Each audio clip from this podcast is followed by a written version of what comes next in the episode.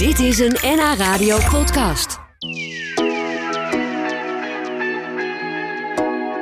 Hij stond ooit bekend als de lachgaskoning van Amsterdam. Totdat hij zag dat zijn vrienden en zijn klanten ernstig ziek werden van het gebruik van lachgas. En toen gooide hij het roer om en nu geeft hij voorlichting aan jongeren over de gevaren van lachgas.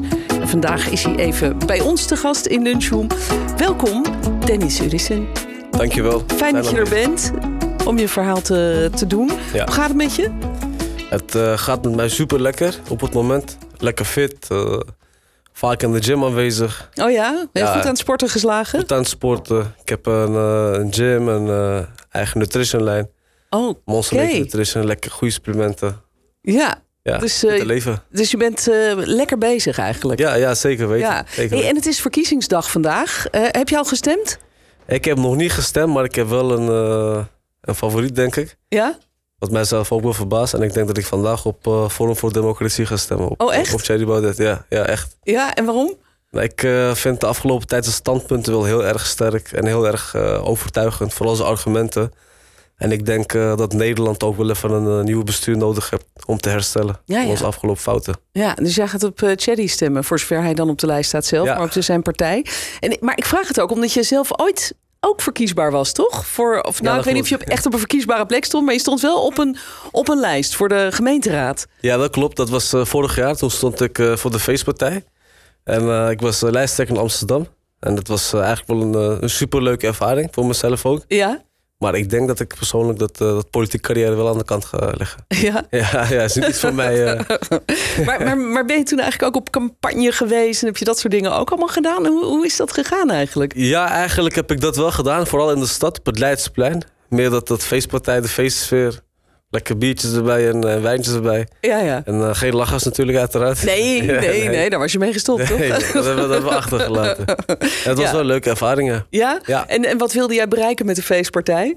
Nou ja, het was meer voor mij eigenlijk wel een beetje lol. Ik ken Johan Flemming sowieso. want Ja, hij is ook zo'n lolbroek.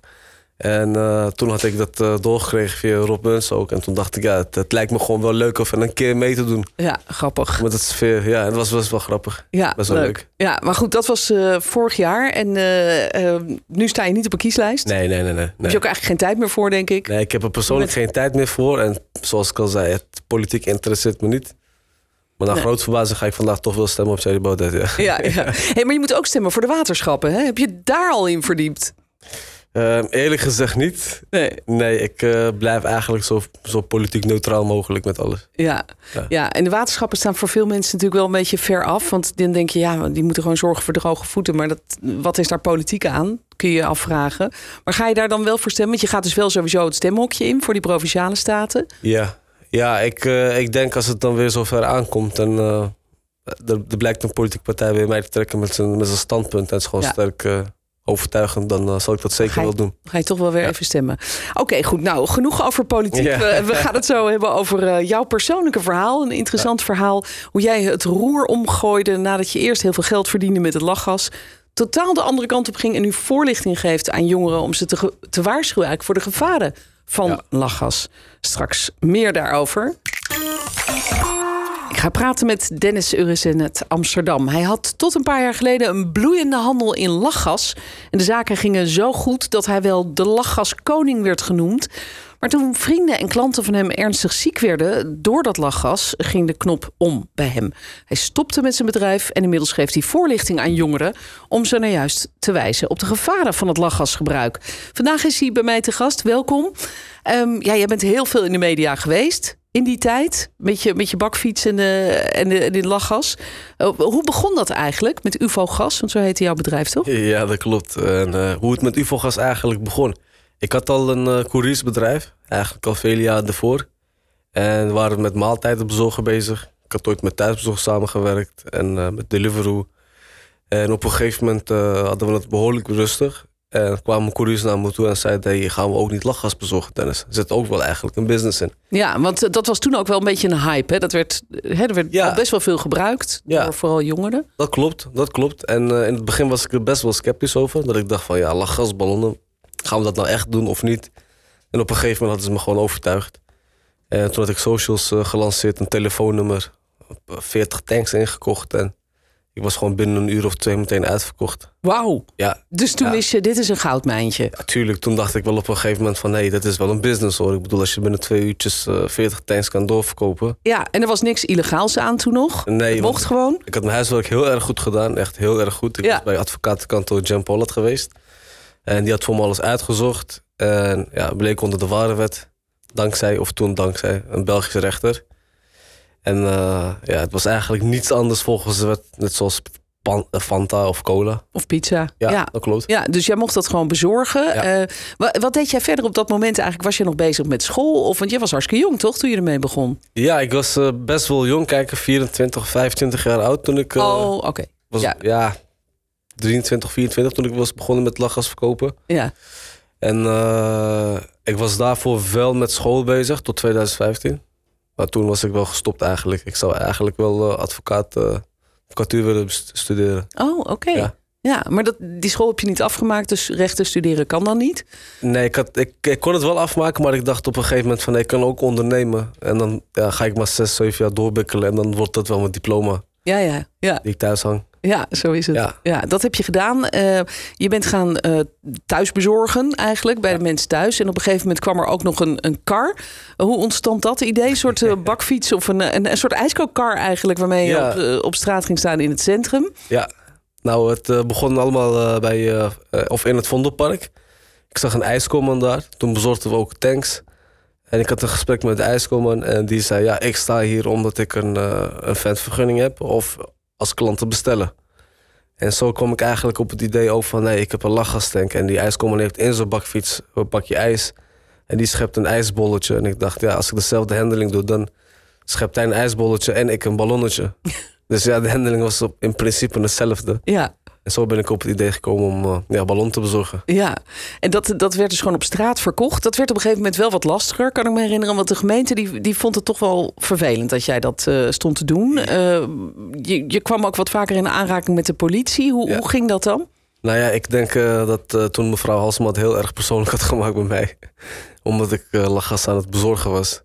En zij wou hem op een gegeven moment niet hebben. En ik was misschien toen wel ja, de beide hand de jongen of de ondernemer in het centrum. Want ik kreeg continu bekeuringen voor venten.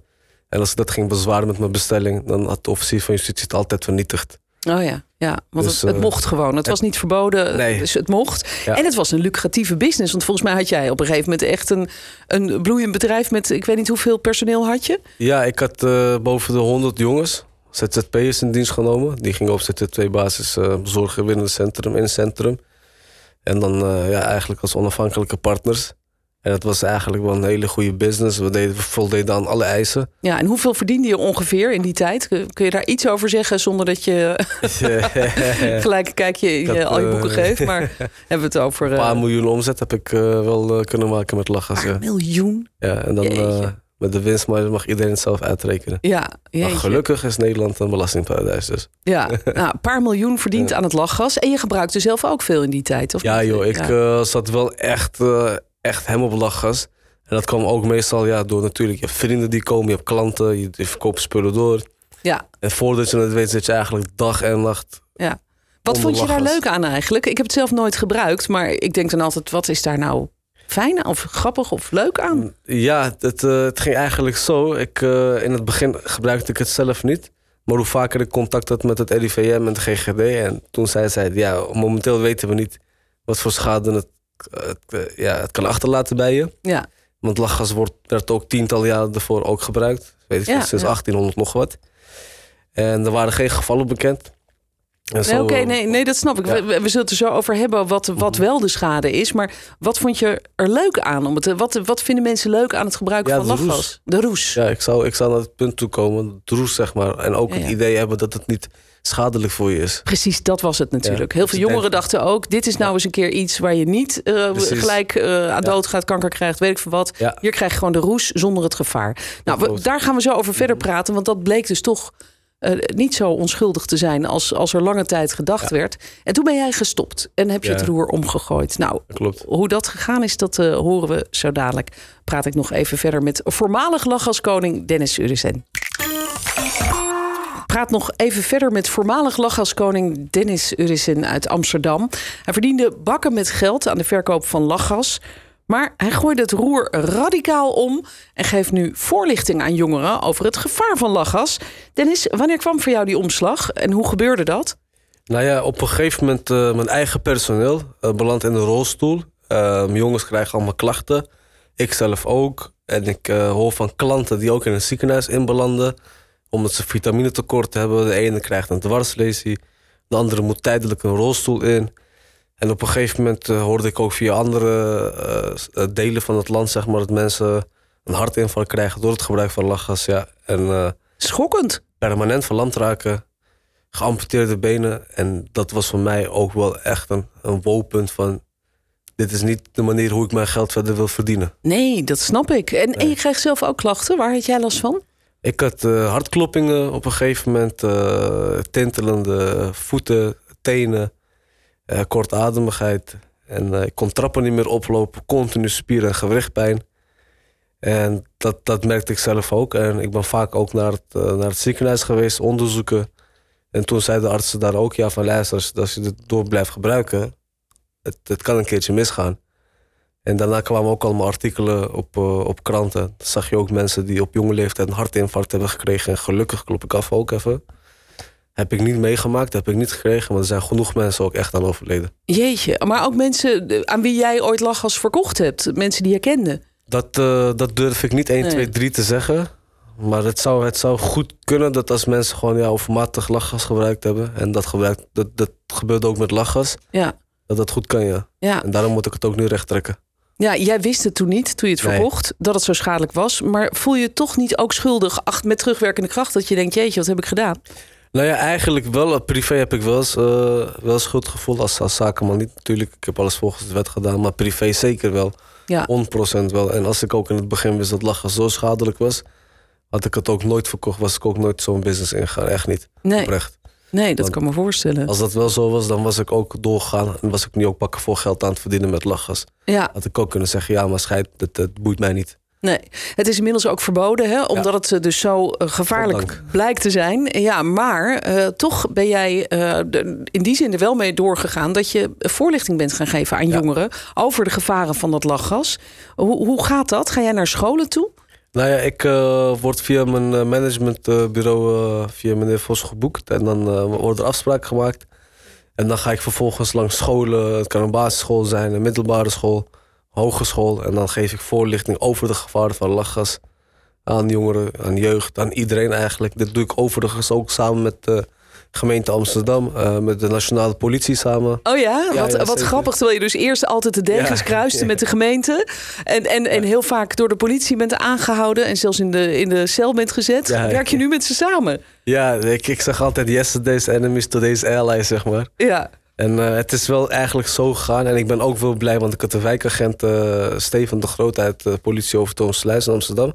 En hij heeft mij, samen met Sofian Barki, nu de huidige wethouder van gemeente Amsterdam superveel geholpen om te stoppen met lachgas en om een anti-lachgascampagne op te zetten. Was het lastig voor jou om te stoppen met het lachgas?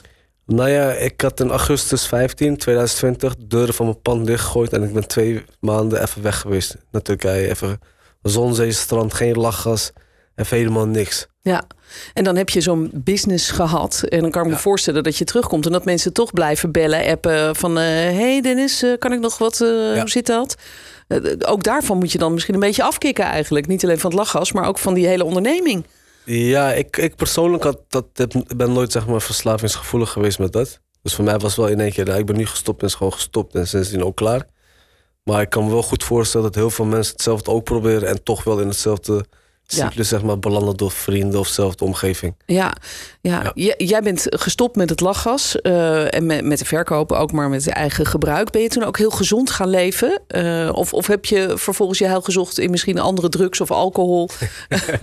om toch een beetje dat roesje weer te krijgen? Nou ja, ik denk dat iedereen wel wat heeft geëxperimenteerd in Nederland. Nederland is inmiddels wel zo'n vrij land en dat uh, is wel blij dat is wel iets om blij te worden eigenlijk. En ja, tuurlijk was daarna ook wel gewoon normaal aan het tappen en alles. Maar met lachgas had ik het ook echt afgezworen. Ja. En natuurlijk ga je wel tappen of even een feestje of, of weet ik veel, uh, festival in. En iedereen tikt wel iets. Ja. Kunnen we ja. niet omheen draaien. Maar ik denk... Het is in elk geval voor jou geen handel meer. Het is nee, het... geen handel. Het is nu gewoon echt lucratief of recreatief dan gebruik. Ja, Maar dan eens in de zoveel tijd echt opletten. En het kan gewoon, weet je. ja, ja, dat maakt nog wel uit natuurlijk. Maar ik leef wel gezond. Ja, kijk, dat, is, nee, dat bedoelde ik eigenlijk. En ehm, ja, en ik kan me voorstellen dat je dan terugkijkt en ook een soort, eh, dat je dat misschien ook aan de jongeren meegeeft. Ook een soort morele les die je ze meegeeft. Van jongens, eh, ook hè, als je ondernemer wil zijn, prima. Maar kijk even wat je, wat je als, eh, als verkoopspul hebt. Ja, ja, dat klopt. Dat klopt. Kijk, ik eh, ben zelf, ik kan niet zeggen dat ik super, super gelovig ben of alles aan alle voorwaarden voldoe. Maar ik geloof wel in hiernamaals en dat het niet eeuwig is. Ja, En ik eh, wil, wil wel mijn fouten zeg maar corrigeren. Om dan straks toch wel eh, de, de goede kant op te gaan. ja. Ja. Dat is wel heel belangrijk. Zeker, ja. Ja. Jij helpt in elk geval ook jongeren om, eh, om eraf te komen of er helemaal mee te stoppen. En, en goed na te denken over, over hun leven. En fijn dat je hier was om daarover te vertellen, Dennis. Dankjewel. En eh, heel veel succes daarmee. Dankjewel. En ik hoop eh, dat de boodschap duidelijk is. Dit was een NH Radio podcast. Voor meer, ga naar nhradio.nl. Radio.